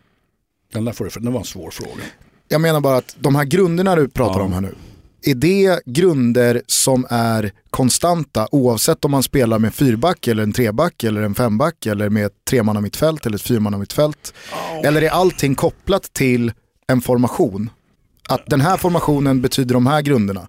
Den här formationen Ja. betyder andra grunder. Jag skulle tro det. Jag skulle nog tro det. Typ att spelar jag 3-5-2 då är de där den formationen ger det och det försvarsspelet med några små förändringar eventuellt. Spelar du med fyrbackslinje så har du den formationen och så agerar du där och där i ett försvarsspel. Så svaret skulle egentligen vara ja. Det finns eh, vissa konstanter. Ja, ja. Det vet jag, du, vi pratade om Antonio Conte tidigare. Han inledde ju sin karriär med någon slags 4-2-4 spel. Eh, och sen när han gick över och började spela 3-5-2 för att spela materialet eh, på något sätt eh, ja, men, var, var gjort för att spela 3-5-2 i Juventus. Sen blev han kvar i det, men han sökte sig hela tiden tillbaka. Men han sa det kommer ta för lång tid och vi är mitt i säsongen, men det kommer ta för lång tid för att gå över till fyrbackslinjen. För stor omställning för oss att göra det. Men det var intressant att höra honom vi, när vi mötte, nej det var inte, jo det, jo det var väl när vi mötte Italien. Det var också var jag tittade på Norge Italien i ett EM-kval. Jag vet att du, du var med. Simon Bank eh, på... eh, Presskonferensen, det, för det var lite intressant liksom. eh, Jag tror att det var Ullevål, En sändning, 2-0. Ullevål. eh, Ja, 2-0 3-0 Italien. Satsa. Gjorde målet. precis. Där på presskonferensen efteråt så Gjorde jag eh, svepet. blir han lite attackerad av, av eh, italiensk media, typ runt Balotelli och borde vara uttagen. Och det var jäkla skön pre- Han dundrar näven i bordet liksom. Konto säger ett, jag vill ha löpstarka spelare. Två, jag vill ha spelare som går i döden för mig. Tre, jag vill inte ha några stjärnor. Och liksom när du ser italienska landslaget och när vi mötte dem i Verona, den löpkapaciteten med den typen av spelarna, till Giaccarini på centralt fält och så vidare. Det är ju löpmaskiner. Det är, det, det, det är lite hans idé tror jag. Du ska kunna bara löpa, löpa, löpa i 90 minuter. För det vet vi ju alla. Du har bollen maximalt 45 sekunder under 90 minuter. Vad är konklusionen? Fotboll är en löpsport. Du måste löpa nu. Ja men då, då är väl lite, Lite det jag menar att en då av Contes konstanter eller grunder, fundament, kalla det vad man vill, är ju att även, fast, även om han spelar med fyrback eller en treback eller ett fyrmannamittfält eller ett tremannamittfält. han de spelartyperna. Exakt, och han har en grund i hans spelsätt Ja. oavsett formation Ja. är att det ska Ja. löpas. Ja. Det är de spelartyperna väljer han. Jag kommer inte ihåg, vad heter han? eh, Ja, Kandreva hade han ju på en kant löpmaskin, men sen hade han en central fältare till. Förutom då eh, den sittande som var, jag vet det var Motta- Rossi, ja. Rossi började. Kan det ha varit Parolo? Ja, Parolo gick som, eh, som vi kallar det på norska, inrelöpare med Ja. Giaccarini. Och sen började han då med. Rossi och sen kom Motta in då, då i den rollen som den sittande. Så att det var ju, men just löpkapaciteten på de här spelarna och jag satt och studerade Italien. Verratti kanske? Nej, han var skadad. Skadad, skadad. ja. Och sen i Italien inför EM och bara se hur flexibel Conte är liksom i, i anfallsuppbyggnaden. Trebacklinjen har bollen, hur ska det centrala fältet agera? Om du blir pressad si och så, så är de och de lösningarna är superintressant. Alltså därför skulle det bli intressant att följa AIK i ett 3-5-2 också. För jag, jag har blivit så här småtänd på det här 3-5-2, det måste jag säga. Ja, man hör att det rycker lite i dig Ja, i, oh i ja. tränarådran. Man vill ner och bråka lite på en plan. Rickard Paris, han skriver så här. För cirka tio år sedan sågade du Totti längs fotknölarna under en sändning. Vad tycker du nu om den största genom tiderna? Ja. Har jag verkligen gjort det? Har jag sågat Det, det låter som att Rickard Paris har R. Ja, han har säkert koll på det. Men frågan är vad kan det ha varit för sammanhang? Jag hoppas, jag menar Totti är ju för mig också en av de bästa du kan absolut tänka dig. Det måste ju ha varit när han har varit slöare än slöast i någon match, någon enstaka fight. Alltså för som fotbollsspelare så jag menar, det går ju inte att argumentera någonting. Men eh, det ska vara intressant att veta vad det var jag sågade honom för. Om det var jag, jag kan ju inte ha gjort det som fotbollsspelare hoppas jag för då är jag snett ute. Alltså, då är jag helt fel ute. Alltså. Vi får helt enkelt hälsa vatten under bron här. Nej, men det, det kan ju vara någon enstaka fight där jag såg honom med fotknölarna. På tal om spelförståelse så är väl det ett alldeles ypperligt exempel på att har man det, Mm. då spelar det ingen roll att man har blivit väldigt Ja, långsam. du ser, och åldern, ändå spelförståelse. Vi får se här om, om, du bara, om det ploppar upp några svar spontant eller om du behöver tänka efter eh, för länge. Men Samuel Olof Öjring, han eh, skriver, av alla spelare han tränat, vem hade ett mest talang? Det finns ju några som har haft, så jag måste tänka till, som jag har tänkt så här, oj, oj, oj, vilken talang den här spelaren har. Men sen, men sen, men sen blev inte liksom eh, slutprodukten det man, det man hade hoppats och trott på. För det fanns väl inte helt enkelt passionen och intresset för att, för att betala priset. Men Så Putte borde jag ha valt eh, mellan bandyn och fotbollen tidigare. Jag hade ju en, en forward i FC Köpenhamn, en sydafrikansk Sibo Siso Zuma som i och för sig var bra. Som sen hamnade i Mainz tror jag i Bundesliga och gjorde ett antal. Men som du trodde skulle Ja absolut, karriär. alltså gå till, ja om det så vi pratar eh, Premier League eller Serie A då, eller La Liga. Att spela kanske till och med något av de absoluta bättre lagen. Eh, talangmässigt så glömmer jag ju heller inte min gamla favorit Danne Salin. Ah. Alltså jag köpte honom till Ålborg och jag måste säga ja, det är bland det bästa jag någonsin har haft forwardsmässigt. Sen får han den här sjukhussjukan i samband med en operation i vristen. Men vilken, vilken forward. Tackar nej till Inter med kommentaren till mig att Ja, jag tycker inte jag är tillräckligt bra, men så du kan inte tacka nej till Inter liksom. Det är inte möjligt va. Men Det är som fan så- inte ofta man hör eh, en spelare resonera nej, så. Nej, alltså sådär oerhört jordnära, eh, klar på men Alltså jag lider än idag när jag tänker tillbaks på att han fick den där på den här eh, skitiga operationen i, i vristen och tar bort någon liten bit bara och åker på det. Det är super, Hur länge var han super borta talang. för de som inte minns? Slutade, slutade. Ja, det, det var över där. fortsätta. Nej. Hur gammal var han då? Ja, ska visa att han ändå var en 27-28 efter att ha varit i Örebro. Han gick väl till Hammarby också? Ja, sväng, absolut. va? Örebro. Ja, Jag tyckte Dan Sahlin var otroligt bra alltså. Just sättet, alltså spelartypen växer inte heller på träd. Ja, men du vet allt, hela paketet. Mm. Snabb, fysisk bjässe, Exakt. stor, närkampsspelare, huvudspelare. Spelförståelse. Ja, kunna avsluta på kraft, precision, arbetsvillig. Mm. Men han hade lite det där, nu, nu får ni ursäkta jämförelsen, men han hade lite det där van Basten-typen. Alltså Mm. en anfallare som, som var stor och kunde verkligen eh, ja, men, ta för sig i luftrummet, eh, vara en bollmottagare Mm. men också jävligt teknisk, fortfarande snabb eh, för, för sin storlek Mm. och eh, otroligt bra avslut. Liksom. Paul Lundin är ju en som jag hade trott skulle ta ännu mer. Hasse Eklund då eh, fantastisk, eh, fick väl göra någon landskamp i Öster men som jag också trodde kommer, han åker ut i någon av de europeiska storligorna. Eh, det måste ju ha funnits några i Köpenhamn också, en som heter Mikael Silberbauer. Kom från Ålborg, fick i och för sig en liten karriär i Holland tror jag, eller om det var i Frankrike, osäker. Så det finns ju talangfulla spelare man har haft men som inte har, det har inte nått till den sista slutprodukten. Alltså. Eh, nummer två då, roligast personlighet. Vem, vem eh, minns du mest med värme? Ja, det är ju Didi Hamann. Alltså. Det är det? Ja, det är ofrånkomligt. Liksom. Det är ju en som ständigt hade kommentarer men på ett bra sätt. Liksom. Klok, förnuftig men alltid liksom ville ha en dialog också. Så är det väl ingen tvekan om att det var var en rolig jäkel. Liksom. Alltid ett leende fick man med, med Didi Hamann. Det är väl ingen tvekan om. Bäst psyke? Ja, det finns några. Vi kan ju säga att Thierry Henrys psyke är det inga fel på. Holgerssons? Eh, ja, det blev bra. Det blev bra. Det blev bra Men han darrade där. Ståle Solbacken, nuvarande tränaren i Köpenhamn. Ja men det har man väl hört eh, att det, jag- han var en maskin. ja, som jag köpte från Wimbledon faktiskt. Då eh, när de var The Crazy Gang. Så var han där. Vi köpte honom till Ålborg och jag vet jag sa till vår ordförande i Ålborg, köper vi Ståle Solbacken och en norsk forward som heter Frank Strandli så vinner vi guld. Jag sa det på skämt.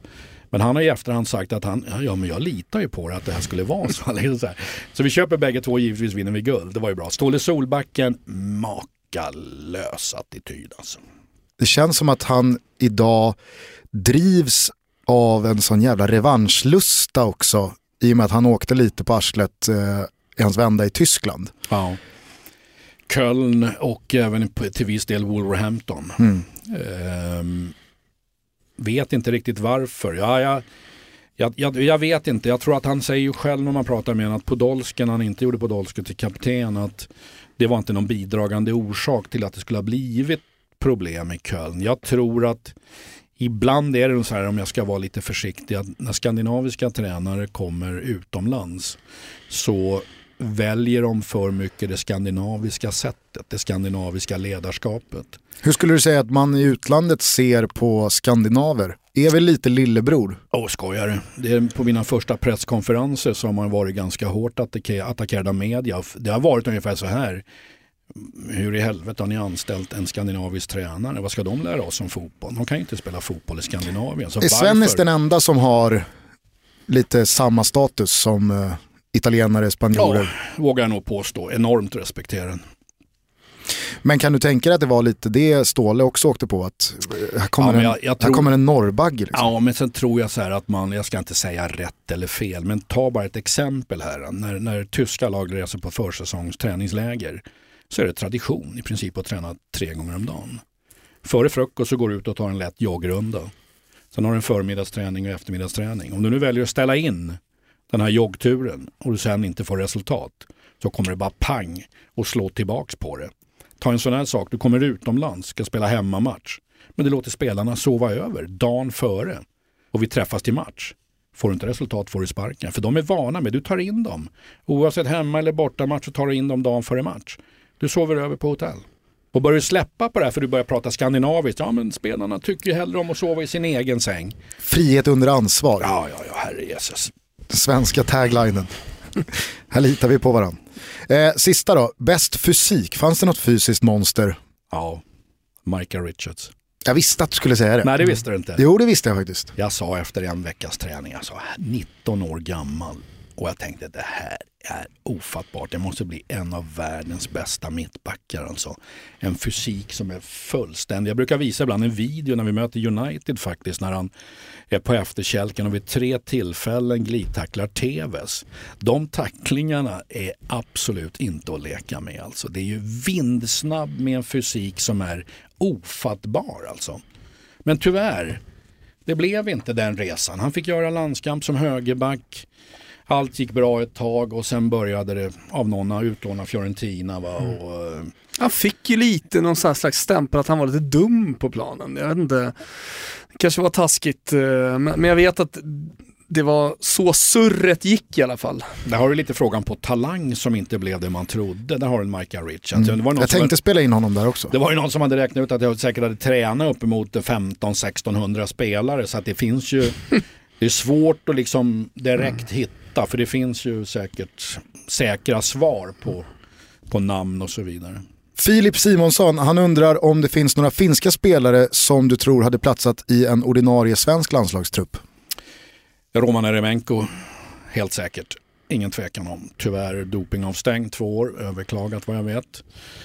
Eh, vald till Rysslands bästa spelare 2015 tror jag han var i CSKA Hade ni bra relation du och Ja, kanon, kanon, kanonkille. Absolut A-barn. Så det här var ju en jättechock alltså när vi fick ett mail från Uefa fyra timmar före match mot Island borta. Bara poff avstängd. Det är vad som händer. Vi har tagit ut trupp, vi har gjort träningar klarat, startlag är uttaget. Supernyckel i laget. Oh, absolut överlägset bästa spelaren. Liksom. Och sen eh, meddela övriga spelare tre timmar före match sitter liksom så bara gapar och undrar vad det är som har hänt. Och ändå går de ut och gör den fighten mot Island. Det här är ju glädjande nog väldigt ovanligt eh, inom fotbollens värld. Men vad, vad säger man då? Hur, hur hanterar man en sån situation? Ja, vi hade ett snack med han på hotellrummet eh, och hade lite frågor med han och så vidare. Är man ute efter någon slags förklaring eller erkännande eller vi, pratar man... Ja, vi frågade ju lite, liksom, eller läkaren ställde lite frågor till honom runt eh, det, det UFA, hade, hade skrivit. Och sen är det ju så här att det är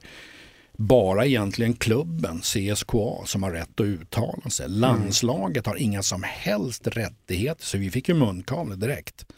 Att ni får inte uttala er om det här. Inledningsvis är det 30 dagars avstängning. B-provet ska analyseras. Så att vi fick inte säga ett ljud utan det är bara CSKA och Uefa som, som får uttala sig. Men jag lider med, med Roman för att är en grym fotbollsspelare. Alltså. Så att han hade varit där, det är ingen tvekan om. Är det någon mer eh, målvakten, Lukas Radetski, Eintracht Frankfurt, fantastiskt bra målvakt. Han hade varit med i en svensk landslagstrupp, det är jag helt övertygad om. Eh, Robin Bergman undrar om du håller lite extra koll på någon eh, yngre tränare. Ja, Jag har ju liksom blivit lite påverkad av vad jag läser och det lilla jag fick med mig av allsvenskan. Men Tellin J Södra eh, känns som ett intressant namn så det ska bli roligt att, att följa J Södra och Tellin eh, och se vad det är för något faktiskt. Ja, det, där håller jag verkligen med. Gusten har varit inne på det, det är ju många unga tränare som kommer upp. Eh, Norrköping eh, tog sig över av Jens Gustafsson till exempel, återigen en, en ung tränare. Jens är skicklig. Jens känner jag sådär halvhyfsat. Så det vet jag att Jens var jag inte alls orolig när han tog Norrköping. Även om det är ett tufft läge va? med mästerskap och allt vad det innebär. Och det antalet sålda spelare med Kujovic och eh, Traustason med flera som försvann direkt där. Så att, Totte Nyman fick ja, gå. precis. Så att eh, eh, Jens kommer ha en bra framtid, jag är övertygad om. Den här Tellin blir spännande. Graham Potter bara när jag såg det. Var, det fick jag med mig i Södra Hammarby. Då undrade jag så här, så här, vad är det som händer alltså? Eh, Östersund har man. Ja, Östersund, Hammar. Tänkte så här. Ja, det var många Ja, men som undrade. Värsta överkörningen alla kategorier alltså. Ja, jag har ju alltså en stark feeling för att Östersund kan blanda sig i Europaplatserna redan i år. De pratar ju om det. De pratade ju om det förra året på sikt. Så det här ska bli jättespännande att följa. Och det verkar ju som, utan nu har inte jag sett, jag såg en fight, Östersund mot Bayern. Eh, Men sen vad jag förstår, det jag har läst eh, så verkar han ju väldigt flexibel också i spelsätt. Det är ju inte bara ett 3-5-2, det är fyrbackslinje ibland. Och få svenska spelare att anpassa sig till förändringar, det är inte det lättaste. För har du tränat och är uppväxt med ett spelsätt så blir det ju alltid när du frågar en svensk spelare, ja ah, men det här har vi inte tränat på, det här måste vi nog träna på ett halvår. Liksom medan du internationellt, från vecka till vecka, där spelare bara säger liksom I'm ready when you need me. Det är ungefär svaret, det är det bästa du kan få liksom. Inte det minsta oroliga för förändringar. Nej, och det du nämner kring Norrköping där till exempel, att man blir av med sina bästa spelare och att man i det från ena dagen till den andra försvagas väldigt mycket. Det är ju där som jag tycker Östersund står ut för att de kan tappa vissa spelare. Det är inte, det är inte individerna i Östersunds eh, lag som får dem att flyga utan det är sättet de spelar fotboll på. Och gubbe 12, 13, 14, 15, 16 Det är redan. kan också spelet. Det är bara att hoppa in Och i det, mallen. det är ju också till sportcheferna som man har en värvningsstrategi som, som Hasse var inne på att snacka om tidigare också, att man väljer vissa spelartyper in i rollen. Det här kontesättet lite grann, ja, han vill ha löpstarka spelare, viss spelartyp. Ja. Eh, Du måste att- minimera misstagen vad det gäller rekrytering av spelare. För det kostar för mycket idag. Du måste hitta rätt. Det här är vårt fundament. Det är så här vi jobbar i den här klubben. Det är de spelartyperna vi vill ha. Och som du säger, en dag så kommer skador, avstängningar i slutet på säsonger. Då måste 12, 13, 14, 15 vara redo. Det går inte att säga att ja, men jag har för lite matchträning. Nej, nej, nej, nej. Du ska vara redo för vi har jobbat på det här viset. Du ska kunna det här. Och du pratar om matchen mot Bayern, alltså jag måste säga att Malmö. insatsen de gör Malmö borta i höstas, Ja, när Malmö spelar för guldet. Ja, och de åker ner till Swedbank Mm. och drar brallorna av dem. Spe- och vinner med 3-0 och, och, och för dem så är ju de då mitt de är i mitten av tabellen. Mm. Det finns inget kontrakt att rädda eller en Europaplats att nå. Och ändå så spelar de sin typ av fotboll. På naturgräs också. Många vill ju mena att de har alltså, drar, drar så stora fördelar av att eh, de spelar på konstgräs. Men nej, alltså Östersund, ja, de, de kan nog fan vara med hela vägen in på Europaplatsen. Ja, det blir alltså. spännande att följa. Det är ingen tvekan. Vi börjar bli klara, känner jag. Mm. Eh, vad, vad händer eh, härnäst? Vad, det Svenska cupen rullar igång, ska du kolla på någon match? Ja, det måste jag göra. Jag måste börja förbereda mig nu för det kommer att bli ett antal uppdrag med Simon så jag ska börja kolla cupfighterna, resa runt lite, prata med allsvenska tränare. Vi har ju Eh, jobbat med dig säsong. eh, kollegialt in, inför sändning och så här, men, och, och så vi vet, ju det, vi vet ju det för oss själva, men du är ju kanske den mest förberedda personen i en eh, fotbollsstudio i Sverige. Det låter bra att höra. Jag gillar att vara väl förberedd. Eller hur, jag Thomas? tar, li- jag, tar lite, det är otroligt. jag tar lite hjälp av min videoanalytiker och analytiker. Sen använder vi det här Y-scout, eh, ja, vad det nu kallas. Det är ju inte någon analyssystem men där du kan se alla ligor i hela världen, i stort sett alla divisioner. Den är inte helt gratis va? men du kan ta fram spelare individuellt på försvarsspel, anfallsspel, du kan se exakt fasta situationer rakt av. Så det är klart det är en stor hjälp. Men jag tror det är avgörande, förberedelse. Jag är helt övertygad. Nu har inte jag användning så mycket för ett eh, sånt där system, men jag hade faktiskt tillgång, eh, en, en gratis inlogg en månad eh, som jag hade fått för att testa det. Jag vet inte om de misstog mig för fel person nere i Milano under en deadline day, men jävlar vad man kan gå ner på detalj. Och jag menar det här med att scouta spelare och så vidare. Gå in och kolla på passningar med högerfot mer eller mindre Ja, ja. och passningar med vänsterfot och så vidare och så vidare. Alltså det, Du kan dissekera in i minsta detalj. Va? Det är klart att då får du, då kan du förbereda dig och prioritera. Det här är intressant inför den här matchen. Så att nu blir det ju, ja, onsdag, torsdag är ju Europa League. Eh, och sen är det ju förberedelser Allsvenskan i cupmatchen. Nu börjar Europa League bli lite intressant ja, också. sådär. det drar ihop sig till Mm. 16 delar. Innan du ska få avsluta med en önskelåt så tänkte jag bara eh, fråga dig om du har svängt i våran diskussion för två år sedan gällande Per Frick. Kommer du ihåg att vi Ja. gnabbades lite Ja. om Fricken? Ja, precis. Och jag sa, "Det där har vi något. Och du sköt ner det totalt Ja. och sa nej, nej, nej, nej. nej. Det räcker inte sa jag. Nu är ju Per Frick där, tycker jag. Ja, jag har inte sett 16. Han har varit bra under 2016. Aj, Alltså, han gör en riktigt bra höst. Mm. Eh, januariturnén var ni med på. Ja, just han var uttagen där, jag stämmer ju. Och eh, sen så är han väl kanske jäv i målet då, de är polare. Men jag läste en intervju med eh, Marcus Rodén som Mm. sa att eh, jag tror att eh, Elfsborgs nästa expert, eh, export till utlandet är Per Frick. Men han är ambitiös han ju. Jag ger honom en ny chans i år. då. Bra, det är det enda Ja, jag begär. Ja. Blankt papper. Förutsättningslös ska jag ge honom Ja. en ny chans. Här. Ja. Mycket bra. Eh, vilken låt skulle du vilja avsluta avsnittet med? Ja, du, du skrev ju det där så att jag har inte förberett mig sådär jättebra. Först tänkte jag en Pink Floyd-variant, Coming Back to Life, men den är lite för trög. Jäkla bra låt annars. Jag, menar, jag går på min favorit David Bowie och så vi kör en klassiker Heroes. Oh, vilken superlåt. Eh, stort tack för att du kom och gästade oss Hasse. Tack själv. Det var Tack väldigt roligt. Eh, önskar dig all lycka med 2017 och eh, familj och livet och hela balunsen. Tutto balutto. Thomas, eh, vi hörs väl snart igen. Det gör vi. Ciao vet du. tutti. Ciao tutti.